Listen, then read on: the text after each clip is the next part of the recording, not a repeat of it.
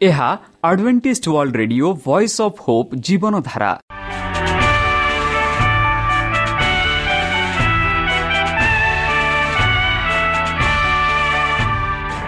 Odia radio କାର୍ଯ୍ୟକ୍ରମ ଯାହା ଆମର ଆନ୍ତର୍ଜାତୀୟ ଆଘାତ କେନ୍ଦ୍ରରୁ ପ୍ରସାରଣ କରାଯାଉଛି ପ୍ରତିଦିନ ରାତି ନଅଟା ତିରିଶ ମିନିଟ୍ରେ। ମୁଁ ସୁବ୍ରତ କୁମାର ପତି ପ୍ରେମର ସହ ଆପଣମାନଙ୍କୁ ଏହି କାର୍ଯ୍ୟକ୍ରମକୁ ସ୍ୱାଗତ କରୁଅଛି। ଚାଲନ୍ତୁ ଆଜିର ତିରିଶ ମିନିଟ୍ର କାର୍ଯ୍ୟକ୍ରମ ବିଷୟରେ ଜାଣିନେବା। ପ୍ରଥମେ ରଖିଛୁ ଆଧ୍ୟାତ୍ମିକ ଭକ୍ତିମୟ ଗୀତ। ଏହାପରେ ଶୁଣିବା ସ୍ୱାସ୍ଥ୍ୟ ବିଷୟରେ ଯାହା ଆମର ଦୈନିକ ଜୀବନରେ ଅତ୍ୟନ୍ତ ଜରୁରୀ। ଆଉ ପରିଶେଷରେ ଶୁଣିବା ପରମେଶ୍ୱରଙ୍କ ଭକ୍ତଙ୍କଠାରୁ ଜୀବନଦାୟକ ଈଶ୍ୱରଙ୍କ ବାକ୍ୟ। ପ୍ରିୟ ଶ୍ରୋତା ତାହେଲେ ଚାଲନ୍ତୁ ଶୁଣିବା ଏକ ଆଧ୍ୟାତ୍ମିକ ଭକ୍ତିମୟ ଗୀତ।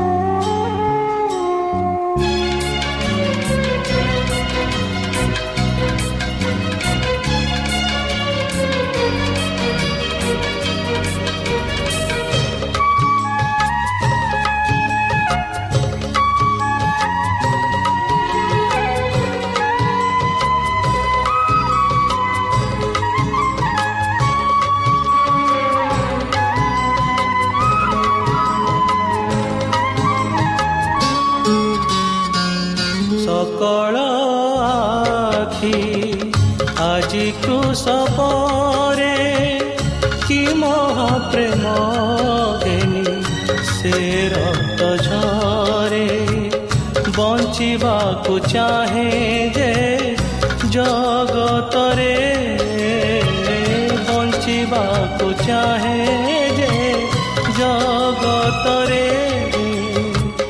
କେବଳ ତାହାରି ପାଇଁ ସେ ରକ୍ତ ଝରେ ସକଳ ଆଖି ଆଜି କୃଷ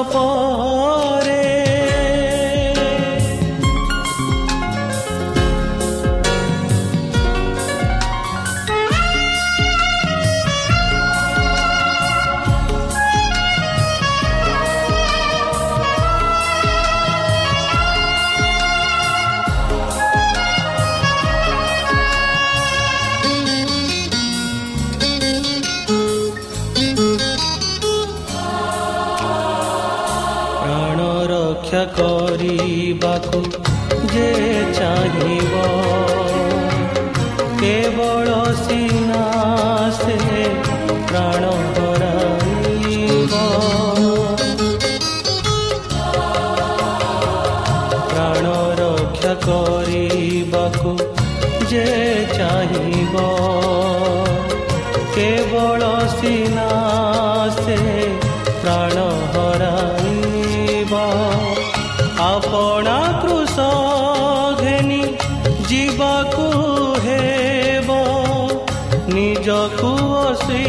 ଅସ୍ୱୀକାର ସେ କରିବ।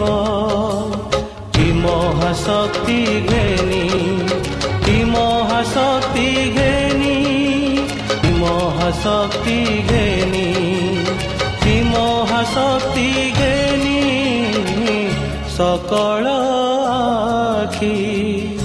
ଆଜି କୃଷ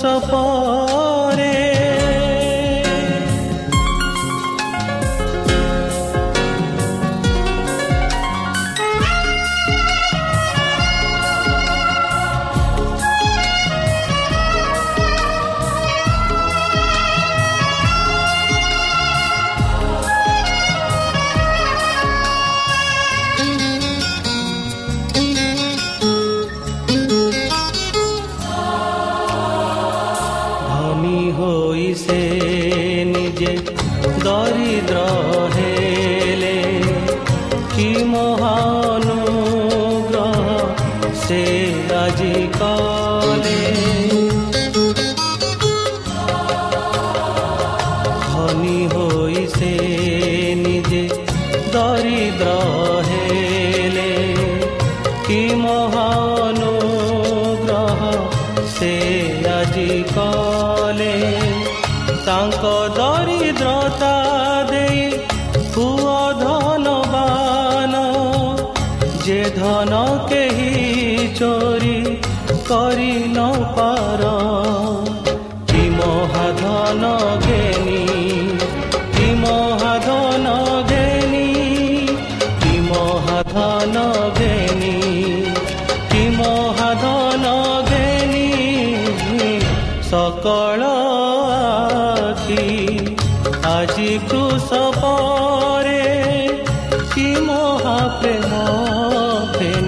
ସେ ରକ୍ତ ଝରେ ବଞ୍ଚିବାକୁ ଚାହେଁ ଯେ ଜଗତରେ ବଞ୍ଚିବାକୁ ଚାହେଁ ଯେ ଜଗତରେ କେବଳ ତାହାରି ପାଇଁ ସେ ରକ୍ତ ଝରେ କେବଳ ତାହାରି ପାଇଁ ସେ ରକ୍ତ ଝରେ ସକଳ ଆଖି ଆଜି କୃଷ ଆପଣଙ୍କର ମତାମତ ଜଣାଇବା ପାଇଁ ଆମର ଏହି ଠିକଣାରେ ଯୋଗାଯୋଗ କରନ୍ତୁ ଆମ ଠିକଣା Adventist media centre SDA mission compound Salisbury park Pune ଚାରି ଏକ ଏକ ଶୂନ ତିନି ସାତ ମହାରାଷ୍ଟ୍ର ବା ଖୋଲନ୍ତୁ ଆମର ୱେବସାଇଟ୍ ଯେକୌଣସି android phone smartphone desktop laptop କିମ୍ବା ଟ୍ୟାବ୍ଲେଟ୍ ଆମର website W W W dot A W R dot O R G slash O R I ଏବଂ W W W dot Adventist media centre India dot O R G ବର୍ତ୍ତମାନ ଚାଲନ୍ତୁ ଶୁଣିବା ଈଶ୍ୱରଙ୍କ ଭକ୍ତଙ୍କଠାରୁ ଈଶ୍ୱରଙ୍କ ଜୀବନଦାୟକ ବାକ୍ୟ Our friend is sleeping. ଆମର ବନ୍ଧୁ ଶୋଇଛନ୍ତି ନମସ୍କାର ପ୍ରିୟ ଶ୍ରୋତା ସେହି ସର୍ବଶକ୍ତି ସର୍ବଜ୍ଞାନୀ ପ୍ରେମର ସାଗର ଦୟାମୟ ଅନ୍ତର୍ଜମୀ ଅନୁଗ୍ରହ ପରମ ପିତାଙ୍କ ମଧୁର ନାମରେ ମୁଁ ପାଷ୍ଟ ପୂର୍ଣ୍ଣଚନ୍ଦ୍ର ଆଉ ଥରେ ଆପଣମାନଙ୍କୁ ଏହି କାର୍ଯ୍ୟକ୍ରମରେ ସ୍ୱାଗତ କରୁଅଛି ସେହି ପରମେଶ୍ୱର ଆପଣମାନଙ୍କୁ ଆଶୀର୍ବାଦ କରନ୍ତୁ ଆପଣଙ୍କୁ ସମସ୍ତ ପ୍ରକାର ଦୁଃଖ କଷ୍ଟ ବାଧା କ୍ଲେଶ ଓ ରୋଗରୁ ଦୂରେଇ ରଖୁ ଶତ୍ରୁ ସୟତାନ ହସ୍ତରୁ ଆପଣମାନଙ୍କୁ ସେ ସୁରକ୍ଷାରେ ରଖନ୍ତୁ ତାହାଙ୍କ ପ୍ରେମ ତାହାଙ୍କ ସ୍ନେହ ତାହାଙ୍କ କୃପା ତାହାଙ୍କ ଅନୁଗ୍ରହ ସଦାସର୍ବଦା ଆପଣଙ୍କଠାରେ ସହବର୍ତ୍ତୀ ରହୁ ପ୍ରିୟତା ଚାଲନ୍ତୁ ଆଜି ଆମ୍ଭେମାନେ କିଛି ସମୟ ପବିତ୍ର ଶାସ୍ତ୍ର ବାଇବଲଠୁ ତାହାଙ୍କ ଜୀବନଦାୟକ ବାକ୍ୟ ଧ୍ୟାନ କରିବା ଆଜିର ଆଲୋଚନା ହେଉଛି ଆମର ବନ୍ଧୁ ଶୋଇଛନ୍ତି। ବନ୍ଧୁ ରାଜାରଙ୍କ କାହାଣୀ ଆମେ ଗତକାଲି ଆଲୋଚନା କରିଛୁ। ଆଉ ବର୍ତ୍ତମାନ ଚାଲନ୍ତୁ ଏହି କାହାଣୀକୁ ଆଗକୁ ବଢ଼େଇବା। ଯେପରି ଯୀଶୁ କହିଲେ ଆମର ବନ୍ଧୁ ଲାଜାରସ ଶୋଇଛନ୍ତି। ଏହି ବାକ୍ୟ ଗୁଡ଼ିକ ସେମାନଙ୍କ ମନରେ ସଠିକ ଭାବନା ଜାଗ୍ରତ କଲା। ସେମାନେ ବିଶ୍ୱାସ କରୁଥିଲେ ଯେ ଖ୍ରୀଷ୍ଟ ତାଙ୍କର ଦୁଃଖୀ ବନ୍ଧୁମାନଙ୍କୁ ଭୁଲି ନାହାନ୍ତି। ତାପରେ ତାଙ୍କର ଶିଷ୍ୟମାନେ କହିଲେ ପ୍ରଭୁ ଯଦି ସେ ଶୋଇଛନ୍ତି ତେବେ ସେ ଭଲ କରିବେ ବା ଭଲ ହୋଇଯିବେ? ତଥାପି ଯୀଶୁ ନିଜ ମୃତ୍ୟୁ ବିଷୟରେ କହିଥିଲେ। କିନ୍ତୁ ସେମାନେ ଭାବିଲେ ଯେ ସେ ଶୋଇବା ବିଷୟରେ କହୁଥିଲେ। ଖ୍ରୀଷ୍ଟ ତାଙ୍କ ବିଶ୍ୱାସୀ ସନ୍ତାନମାନଙ୍କ ନିଦ ଭଳି ମୃତ୍ୟୁକୁ ପ୍ରତିନିଧିତ୍ୱ କରୁଛନ୍ତି। ସେମାନଙ୍କ ଜୀବନ ପୃଷ୍ଠ ସହିତ ଈଶ୍ୱରଙ୍କଠାରେ ଲୁଚି ରହିଛି ଏବଂ ସେ ସତୁରି ବାଜିବା ପର୍ଯ୍ୟନ୍ତ ଯେଉଁମାନେ ମରିବେ ସେମାନେ ତାଙ୍କଠାରେ ଶୋଇବେ। ଏହାପରେ ଯୀଶୁ ସେମାନଙ୍କୁ ସ୍ପଷ୍ଟ ଭାବରେ କହିଲେ ଲାଜାର ମରିଛନ୍ତି। ଏବଂ ମୁଁ ଆପଣଙ୍କ ପାଇଁ ଆନନ୍ଦିତ ଯେ ମୁଁ ସେଠାରେ ନଥିଲି। ଯେଉଁ ଉଦ୍ଦେଶ୍ୟରେ ଆପଣ ବିଶ୍ୱାସ କରିପାରନ୍ତି ତଥାପି ଆସନ୍ତୁ। ତାଙ୍କ ନିକଟକୁ ଯିବା। ତମା ଯଦି ଯୋଉଦାକୁ ଯାଆନ୍ତି ତେବେ ସେ ତାଙ୍କ ଗୁରୁଙ୍କ ପାଇଁ ମୃତ୍ୟୁ ବ୍ୟତୀତ ଅନ୍ୟ କିଛି ଦେଖିପାରିବେ ନାହିଁ। କିନ୍ତୁ ସେ ନିଜ ଆତ୍ମାକୁ ବାନ୍ଧି ଅନ୍ୟ ଶିଶୁମାନଙ୍କୁ କହିଲେ ଚାଲ ଆମ୍ଭେମାନେ ତାଙ୍କ ସହିତ ମରିବା। ସେ କୃଷ୍ଣଙ୍କ ପ୍ରତି ଯୁଦମାନଙ୍କର ଘୃଣା ଜାଣିଥିଲେ। ତାଙ୍କ ମୃତ୍ୟୁରୁ ଘେରି ରହିବା ସେମାନଙ୍କର ଉଦ୍ଦେଶ୍ୟ ଥିଲା କିନ୍ତୁ ଏହି ଉଦ୍ଦେଶ୍ୟ ସଫଳ ହୋଇପାରିଲା ନାହିଁ। କାରଣ ତାଙ୍କର କିଛି ସମୟ ବାକି ରହିଲା। ଏହି ସମୟ ମଧ୍ୟରେ ଯୀଶୁ ସ୍ୱର୍ଗଦୂତମାନଙ୍କ ଅଭିଭାବକ ଥିଲେ। ଏପରିକି ଯୁହୁଦାର ଅଞ୍ଚଳରେ ଯେଉଁଠାରେ ରାବଣମାନେ ଷଡ଼ଯନ୍ତ୍ର କରୁଥିଲେ ଯେ ସେମାନେ ତାଙ୍କୁ କିପରି ନେଇଯିବେ ଏବଂ ତାଙ୍କୁ ହତ୍ୟା କରିବେ କୌଣସି ଅନିଷ୍ଟ ତାଙ୍କ ନିକଟକୁ ଆସିପାରିବ ନାହିଁ। ଶିଷ୍ୟମାନେ କୃଷ୍ଣଙ୍କ କଥା ଶୁଣି ଆଶ୍ଚର୍ଯ୍ୟ ହୋଇଗଲେ। ଯେତେବେଳେ ସେ କହିଲେ ଲାଜାର ମରିଛନ୍ତି। ମୁଁ ଖୁସି ଯେ ମୁଁ ସେଠାରେ ନଥିଲି। ନିଜ ପସନ୍ଦ ପସନ୍ଦ ଅନୁଆୟୀ ପ୍ରାଣକର୍ତ୍ତାଙ୍କ ଦୁଃଖୀ ବନ୍ଧୁମାନଙ୍କ ଘରୁ ଦୂରେଇ ରହିଲେ କି ବୋଧ ହୁଏ ମରିୟମ ମାଥା ଏବଂ ମରିୟ ମରିଯାଇଥିବା ଲାଜର ଏକାକୀ ରହିଲେ। କିନ୍ତୁ ସେମାନେ ଏକୁଟିଆ ନଥିଲେ। ଖ୍ରୀଷ୍ଟ ପୁରା ଦୃଶ୍ୟ ଦେଖିଲେ। ଏବଂ ରାଜାଙ୍କ ମୃତ୍ୟୁ ପରେ ସୁକାକୁଳ ଭଉଣୀମାନେ ତାଙ୍କ ଅନୁଗ୍ରହରେ ସମର୍ଥିତ ହେଲେ। ଯୀଶୁ ସେମାନଙ୍କ ଭଡ଼ା ହୃଦୟର ଦୁଃଖର ସାକ୍ଷୀ ହେଲେ। ଯେହେତୁ ସେମାନଙ୍କ ଭାଇ ତାଙ୍କର ଶକ୍ତିଶାଳୀ ଶତ୍ରୁ ମୃତ୍ୟୁ ସହିତ ସଂଘର୍ଷ କଲେ ସେ ନିଜ ଶିଷ୍ୟମାନଙ୍କୁ କହିଲେ ଲାଜର ମରିଯାଇଛନ୍ତି। କିନ୍ତୁ ଖ୍ରୀଷ୍ଟ କେବଳ ବେଥନୀୟରେ ପ୍ରିୟ ଲୋକକୁ ଭାବିବାକୁ ନଥିଲେ।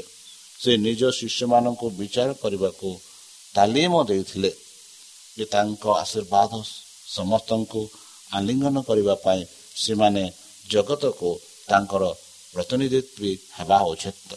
ସେମାନଙ୍କ ପାଇଁ ଲାଜାରସଙ୍କୁ ମରିବାକୁ ଅନୁମତି ଦେଲେ। ଯଦି ଖ୍ରୀଷ୍ଟ ଅସୁସ୍ଥ କୋଠରୀରେ ଥାନ୍ତେ ତେବେ ଲାଜାର ମରିନଥାନ୍ତେ କାରଣ ସୟତାନ ତାଙ୍କ ଉପରେ କୌଣସି ଶକ୍ତି ନଥାନ୍ତା। ଜୀବନ ତାହାଙ୍କ ଉପସ୍ଥିତିରେ ମୃତ୍ୟୁ ଲାଜାରସଙ୍କୁ ଲକ୍ଷ୍ୟ କରିପାରିନଥାନ୍ତା ତେଣୁ ପୃଷ୍ଠ ଦୂରେଇ ରହିଲେ। ଯେ ଶତ୍ରୁକୁ ନିଜର ଶକ୍ତି ବ୍ୟବହାର କରିବାକୁ ଅନୁମତି ଦେଲେ। ଯେପରି ସେ ତାଙ୍କୁ ପରାସ୍ତ ଶତ୍ରୁ ଭାବରେ ଗୌଡ଼ାଇ ପାରିବେ। ସେ ଲାଜାରସଙ୍କ ମୃତ୍ୟୁ ଅଧୀନରେ ଯିବାକୁ ଅନୁମତି ଦେଲେ। ଦୁଃଖୀ ଭଉଣୀମାନେ ଦେଖିଲେ ଯେ ସେମାନଙ୍କର ଭାଇ କବଳରେ ପଡ଼ିଛନ୍ତି। ଖ୍ରୀଷ୍ଟ ଜାଣିଥିଲେ ଯେ ସେମାନେ ନିଜ ଭାଇର ମୃତ୍ୟୁ ଚେହେରାକୁ ଦେଖିଲେ ସେମାନଙ୍କ ମୁକ୍ତିଦାତା ଉପରେ ସେମାନଙ୍କ ବିଶ୍ୱାସ କଠୋର ହେବ। କିନ୍ତୁ ସେ ଜାଣିଥିଲେ ଯେ ଯେଉଁ ସଂଘର୍ଷ ମାଧ୍ୟମରେ ସେମାନେ ବର୍ତ୍ତମାନ ବିଶ୍ୱାସ ଅତିକ୍ରମ କରୁଛନ୍ତି ତାହା ଅଧିକ ଶକ୍ତି ସହିତ ଉଜ୍ଜଳ ହେବ। ସେ ଦୁଃଖର ଯନ୍ତ୍ରଣା ଭୋଗିଲେ। ସେ ସେମାନଙ୍କୁ ଭଲ ପାଉନଥିଲେ କାରଣ ସେ ରହିଲେ। କିନ୍ତୁ ସେ ଜାଣିଥିଲେ ଯେ ସେମାନଙ୍କ ପାଇଁ ଲାଜାର ନିଜ ପାଇଁ ଏବଂ ଶିଷ୍ୟମାନଙ୍କ ପାଇଁ ମୁଁ ତୁମ ପାଇଁ ଯେଉଁ ଉଦ୍ଦେଶ୍ୟରେ ତୁମେ ବିଶ୍ୱାସ କରିପାରିବ। ଯେଉଁମାନେ ଈଶ୍ୱରଙ୍କ ମାର୍ଗଦର୍ଶନ ହାତକୁ ଅନୁଭବ କରିବାକୁ ଯାଆନ୍ତି ସେମାନଙ୍କ ପାଇଁ ସର୍ବଶ୍ରେଷ୍ଠ ନିରାଶାର ମହତ୍ଵ ହେଉଛି ସେହି ସମୟ। ଯେତେବେଳେ ଈଶ୍ୱରୀୟ ସାହାଯ୍ୟ ନିକଟରେ ସେମାନେ ନିଜ ରାସ୍ତାର ଅନ୍ଧକାର ଅଂଶ ଉପରେ କୃତଜ୍ଞତା ସହିତ ପଛକୁ ଚାହିଁବେ। ପ୍ରଭୁ ଜାଣନ୍ତି କିପରି ଧାର୍ମିକମାନଙ୍କ ଉଦ୍ଧାର କରିପାରିବେ। ପ୍ରତ୍ୟେକ ପ୍ରଲୋଭନ ଏବଂ ପ୍ରତ୍ୟେକ ପରୀକ୍ଷାରୁ ସେ ସେମାନଙ୍କୁ ଦୃଢ଼ ବିଶ୍ୱାସ ଏବଂ ଏକ ସମୃଦ୍ଧ ଅଭିଜ୍ଞତା ସହିତ ଆଣିବେ।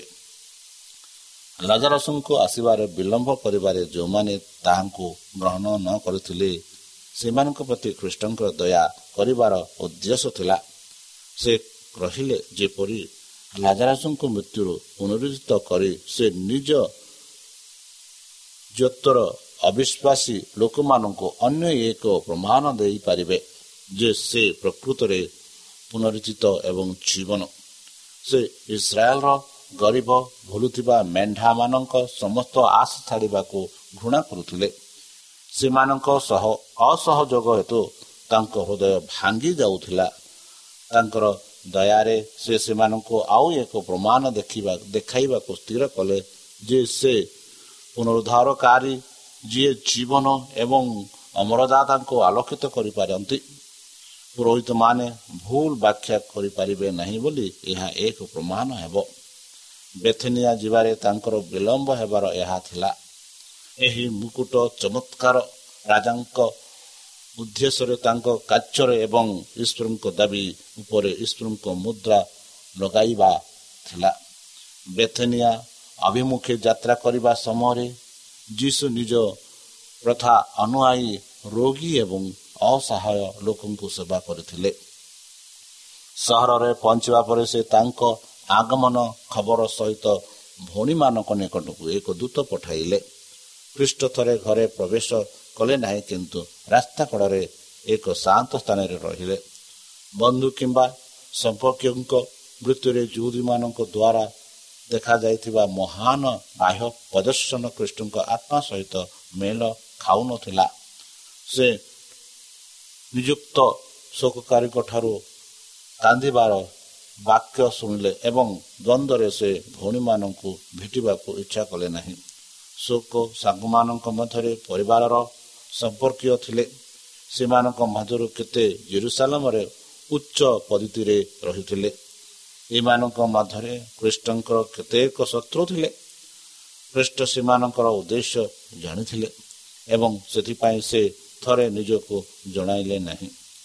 ମାତାଙ୍କୁ ଏତେ ଚୁପଚାପ ବାର୍ତ୍ତା ଦିଆଗଲା ଯେ ତୁମରେ ଥିବା ଅନ୍ୟମାନେ ଶୁଣିଲେ ନାହିଁ ମରିୟମ ତାଙ୍କ ଦୁଃଖରେ ବାକ୍ୟ ଶୁଣିନଥିଲେ ଥରେ ଉଠି ମାତା ତାଙ୍କ ପ୍ରଭୁଙ୍କ ଭେଟିବାକୁ ବାହାରକୁ ଗଲେ।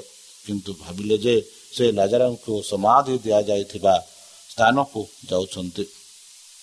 ମରିୟମ ନିଜ ଦୁଃଖରେ ବସିଥିଲେ।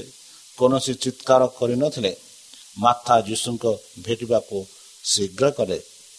ବିଦାୟୀ ଭାବନା ଦ୍ୱାରା ତାଙ୍କ ହୃଦୟ ଉତ୍ତେଜିତ ତାଙ୍କର ଭାବପ୍ରବଣ ଚେରାରେ ସେ ସମାନ କୋମଳତା ଏବଂ ପ୍ରେମ ପଡ଼ିଥିଲେ ଯାହା ସର୍ବଦା ସେଠାରେ ଥିଲା।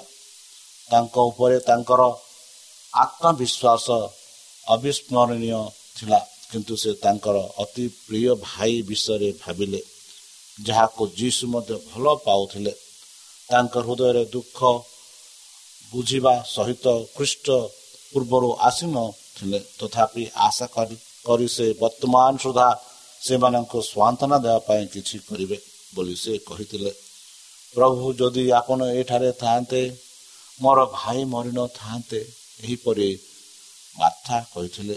ବାରମ୍ବାର ଶୋକକାରୀଙ୍କ ଦ୍ୱାରା ହୋଇଥିବା ଉତ୍ତେଜନା ମଧ୍ୟରେ ଭଉଣୀମାନେ ଏହି ବାକ୍ୟ ଗୁଡ଼ିକ ପୁନର୍ବୁଦ୍ଧିତ କରିଥିଲେ।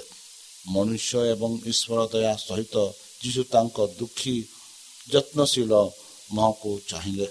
ଅତୀତର ବର୍ଣ୍ଣନା କରିବାକୁ ମାର୍ଥାଙ୍କର କୌଣସି ଇଚ୍ଛା ନଥିଲା।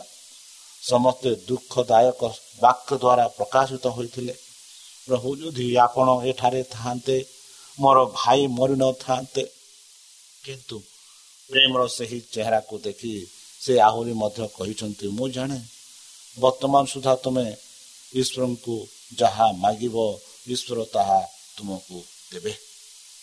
ଯୀଶୁ ତାହାଙ୍କ ବିଶ୍ୱାସକୁ ଉତ୍ସାହିତ କରି କହିଲେ ତୁମର ଭାଇ ପୁନର୍ବାର ଉଠିବେ। ତାଙ୍କର ଉତ୍ତର ତୁରନ୍ତ ପରିବର୍ତ୍ତନ ହେବାର ଆଶା ପ୍ରେରଣା ହେବା ପାଇଁ ଉଦ୍ଦିଷ୍ଟ ନୁହେଁ। ସେ ମାର୍ଥାର ଚିନ୍ତାଧାରାକୁ ତାଙ୍କ ଭାଇର ବର୍ତ୍ତମାନର ପୁନରୁଦ୍ଧାର ଠାରୁ ଅଧିକ ବହନ କଲେ ଏବଂ ଧାର୍ମିକମାନଙ୍କ ପୁନରୁଦ୍ଧିତ ଉପରେ ସ୍ଥିର କଲେ। ସେ ଏହା କଲେ ଯେ ସେ ଲାଜାରସଙ୍କ ପୁନରୁଦ୍ଧାର ସମସ୍ତ ଧାର୍ମିକ ମୃତ୍ୟୁମାନଙ୍କ ପୁନରୁତ୍ଥାନ ପ୍ରତିଶ୍ରୁତି ଦେଖିପାରିବେ ଏବଂ ଏହା ନିଶ୍ଚିତ କରିଛନ୍ତି ଯେ ଏହା ତ୍ରାଣକର୍ତ୍ତାଙ୍କ ଶକ୍ତି ଦ୍ୱାରା ସମ୍ମାନ ହେବ। ମାଥା ଉତ୍ତର ଦେଲେ ମୁଁ ଜାଣେ ଯେ ସେ ଶେଷ ଦିନରେ ପୁନରୁଦ୍ଧିତ ହେବେ। ତଥାପି ତାଙ୍କ ବିଶ୍ୱାସକୁ ପ୍ରକୃତ ଦିଗ ଦେବାକୁ ଚେଷ୍ଟା କରି ଯୀଶୁ ଘୋଷଣା କଲେ। ମୁଁ ହେଉଛି ପୁନରୁତ୍ଥାନ ଏବଂ ଜୀବନ। କୃଷ୍ଣଙ୍କଠାରେ ଜୀବନ ମୂଳ ଅବିବାହିତ ଅଭିଭକ୍ତ ଯାହାର ପୁତ୍ର ଅଛି ତାର ଜୀବନ ଅଛି। ବନ୍ଧୁ କୃଷ୍ଣଙ୍କର ଈଶ୍ୱରୀୟତା ହେଉଛି ଅନନ୍ତ ଜୀବନର ଅବିଶ୍ୱାସୀଙ୍କ ନିଶ୍ଚିତା ଯୀଶୁ କହିଲେ ଯେଉଁ ଲୋକ ମୋ ଉପରେ ବିଶ୍ୱାସ କରେ ସେ ମରିଯାଇଥିଲେ ମଧ୍ୟ ସେ ବଞ୍ଚିବେ। ଯିଏ ମୋ ଠାରେ ବାସ କରେ ଓ ବିଶ୍ୱାସ କରେ ସେ କଦାପି ମରିବ ନାହିଁ। ପୃଷ୍ଠ ଠାରେ ତାଙ୍କର ଦ୍ୱିତୀୟ ଆସିବାର ସମୟକୁ ଅପେକ୍ଷା କରନ୍ତି। ତାପରେ ଧାର୍ମିକ ମୃତ୍ୟୁମାନେ ଅକ୍ଷୟ ଭାବରେ ପୁନରୁଦ୍ଧିତ ହେବେ ଏବଂ ଜୀବନ୍ତ ଧାର୍ମିକମାନେ ମୃତ୍ୟୁକୁ ନ ଦେଖି ସ୍ୱର୍ଗକୁ ଅନୁବାଦ କରିବେ। ଖ୍ରୀଷ୍ଟ ଯେଉଁ ଚମତ୍କାର କରିବାକୁ ଯାଉଥିଲେ ଲାଜାରଂଶକୁ ମୃତ୍ୟୁରୁ ପୁନରୁଦ୍ଧିତ କରିବା ସମସ୍ତ ଧାର୍ମିକ ମୃତ୍ୟୁମାନଙ୍କର ପୁନରୁତ୍ଥାନ ପ୍ରତିପାଦିତ କରିବା ତାଙ୍କ ବାକ୍ୟ ଏବଂ କାର୍ଯ୍ୟ ଦ୍ୱାରା ସେ ନିଜକୁ ପୁନରୁଦ୍ଧିତ ଲେଖକ ବୋଲି ଘୋଷଣା କଲେ। ଯିଏ ନିଜେ କୃଷରେ ଶୀଘ୍ର ମରିବାକୁ ଯାଉଥିଲେ ସେ ମୃତ୍ୟୁର ଚାବି ସହିତ ଠିଆ ହୋଇଥିଲେ। କବରର ବିଜେତା ଏବଂ ଅନନ୍ତ ଜୀବନ ଦେବା ପାଇଁ ତାଙ୍କର ଅଧିକ ଏବଂ ଶକ୍ତି ଯାହାରି କଲେ। ବନ୍ଧୁ ତ୍ରାୟଣକର୍ତ୍ତାଙ୍କ କଥାରେ ତୁମେ ବିଶ୍ୱାସ କର କି? ମାର୍ତ୍ତାର ଉତ୍ତର ହେଲେ ହେଁ ପ୍ରଭୁ ମୁଁ ବିଶ୍ୱାସ କରେ ଯେ ତୁମେ ଖ୍ରୀଷ୍ଟ ଈଶ୍ୱରଙ୍କ ପୁତ୍ର। ଯାହା ଜଗତକୁ ଆସିବା ଉଚିତ ସେ ଖ୍ରୀଷ୍ଟଙ୍କ ଦ୍ୱାରା କୁହାଯାଇଥିବା ବାକ୍ୟ ଗୁଡ଼ିକର ସମସ୍ତ ମହତ୍ଵରେ ସେ ବୁଝିପାରିଲେ ନାହିଁ। କିନ୍ତୁ ସେ ତାଙ୍କ ଈଶ୍ୱରଙ୍କ ଉପରେ ବିଶ୍ୱାସ କଲେ ଏବଂ ତାଙ୍କ ଆତ୍ମବିଶ୍ୱାସ ଯେ ସେ ଯାହା କରିବାକୁ ଇଚ୍ଛା କଲେ ତାହା କରିବାକୁ ସକ୍ଷମ ହୋଇଥିଲେ। ଏବଂ ସେ ଏହା କହିବା ପରେ ସେ ନିଜ ପଥରେ ଯାଇ ନିଜ ଭଉଣୀ ମରିୟମକୁ ଗୁପ୍ତରେ ଡାକି କହିଲେ ଗୁରୁ ଆସୁଛନ୍ତି ଏବଂ ତୁମକୁ ଡାକନ୍ତି। ସେ ଯଥାସମ୍ଭବ ଚୁପଚାପ ବାର୍ତ୍ତା ପ୍ରଦାନ କଲେ। ଯାଜକ ଓ ଶାସକମାନେ ସୁଯୋଗ ପାଇଲେ ଯୀଶୁଙ୍କୁ ଧରିବା ପାଇଁ ପ୍ରସ୍ତୁତ ଥିଲେ। ଶୋକର କ୍ରନ୍ଧନ ତାଙ୍କ କଥା ଶୁଣିବାକୁ ବାରଣ କଲା। ବାର୍ତ୍ତା ଶୁଣି ମରିୟମ ଶୀଘ୍ର ଉଠିଲେ ଏବଂ ତାଙ୍କ ମୁହଁରେ ଉତ୍ସାହିତ ସହିତ ଚଉ ଚୁପ୍ ଛାଡ଼ି ଚାଲିଗଲେ ସେ କାନ୍ଦିବାକୁ କବରକୁ ଯାଇଥିବାର ଭାବି ଶୋକକାରୀମାନେ ତାଙ୍କ ପଛେ ପଛେ ଗଲେ। ଯେତେବେଳେ ସେ ଯୀଶୁ ଅପେକ୍ଷା କରିଥିବା ସ୍ଥାନରେ ପହଞ୍ଚିଲେ ସେତେବେଳେ ସେ ତାଙ୍କ ପାଦ ତଳେ ଆଣ୍ଠୁ ମାଡ଼ି ଓଠରେ କହିଲା ପ୍ରଭୁ ଯଦି ଆପଣ ଏଠାରେ ଥାଆନ୍ତେ ମୋର ଭାଇ ମରିନଥାନ୍ତେ ଶୋକର କ୍ରନ୍ଧନ ତାଙ୍କ ପାଇଁ ଯନ୍ତ୍ରଣାଦାୟକ ଥିଲା। କାରଣ ସେ ଯୀଶୁଙ୍କ ସହିତ ଏକାକି କିଛି ଶାନ୍ତ ବାକ୍ୟକୁ ଅପେକ୍ଷା କରୁଥିଲେ। କିନ୍ତୁ ସେ ଜାଣିଥିଲେ ଯେ ଖ୍ରୀଷ୍ଟଙ୍କ ବିରୁଦ୍ଧରେ ଉପସ୍ଥିତ ଥିବା ଲୋକଙ୍କ ହୃଦୟରେ ଈର୍ଷା ଏବଂ ଈର୍ଷା ବିଷୟରେ ସେ ଜାଣିଥିଲେ ଏବଂ ତାଙ୍କ ନିଜ ଦୁଃଖକୁ ସମ୍ପୂର୍ଣ୍ଣ ରୂପେ ପ୍ରକାଶ କରିବାକୁ ବାରଣ କରାଯାଇଥିଲା। ବନ୍ଧୁ ଯୀଶୁ ପ୍ରଭୁ ହେଉଛନ୍ତି ଏହି ତ୍ରାଣକର୍ତ୍ତା ଏହି ଜଗତର ତ୍ରାଣକର୍ତ୍ତା ତାଙ୍କ ହସ୍ତରେ କିଛି ଅସମ୍ଭବ ନୁହେଁ ସବୁ କିଛି ସମ୍ଭବ ହୁଏ। ଯଦି କେହି ତାହାଙ୍କଠାରେ ବିଶ୍ୱାସ କରିଛି ଆଉ ସେ ବିଶ୍ୱାସରେ ମୃତ୍ୟୁବରଣ ହେଉଛି ନିଶ୍ଚିତ ରୂପେ ସେ ଜୀବିତ ତାହେଲେ ପ୍ରିୟ ସୋତା ଚାଲନ୍ତୁ ଆମେ ସେହି ସଦା ପ୍ରଭୁ ପରମେଶ୍ୱରଠାରେ ନିଜକୁ ସମର୍ପଣ କରି ତାହାଙ୍କୁ ମଧୁରଣା କରି ଆମେ ପ୍ରାର୍ଥନା ଉଚ୍ଚାରଣ କରିବା।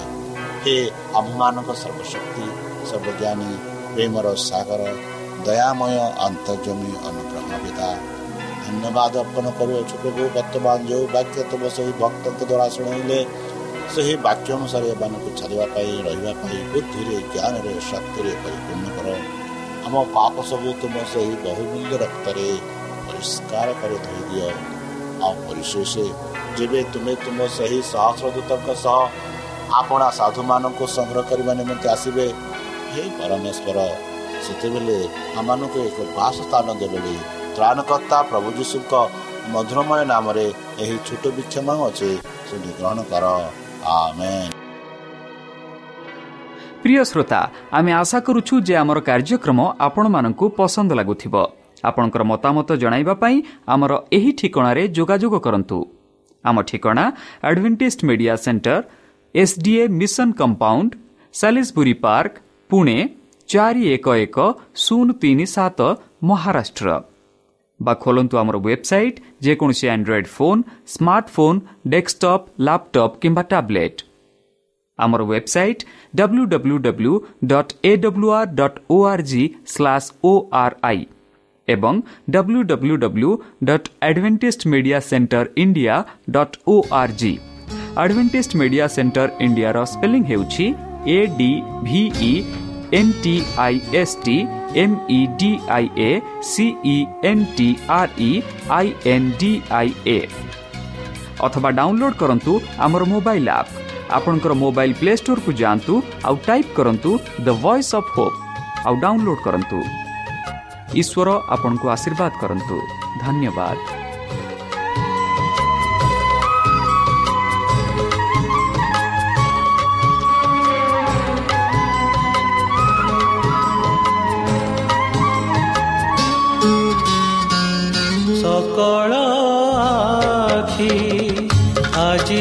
ସବରେ କି ମହାପ୍ରେମ ଘେନି ସେ ରକ୍ତ ଝରେ ବଞ୍ଚିବାକୁ ଚାହେଁ ଯେ ଜଗତରେ ବଞ୍ଚିବାକୁ ଚାହେଁ ଯେ ଜଗତରେ କେବଳ ତାହାରି ପାଇଁ ସେ ରକ୍ତ ଝରେ ସକଳ ଆଖି ଆଜି କୃଷ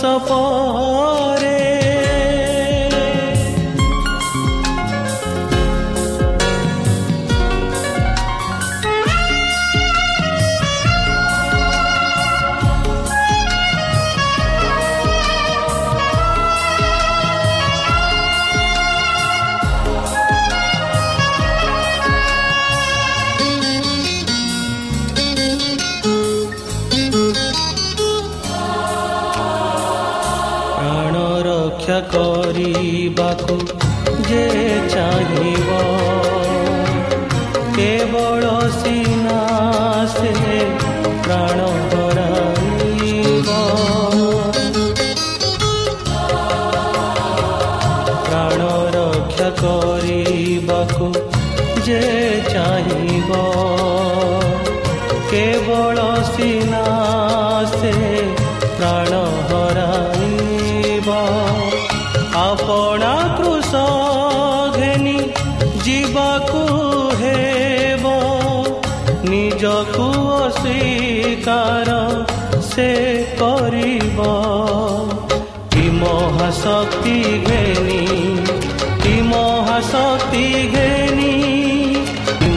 ମହାଶକ୍ତି ଘେନି କି ମହାଶକ୍ତି ଘେନି ସକଳ ଆଖି ଆଜି କୃଷ ପରେ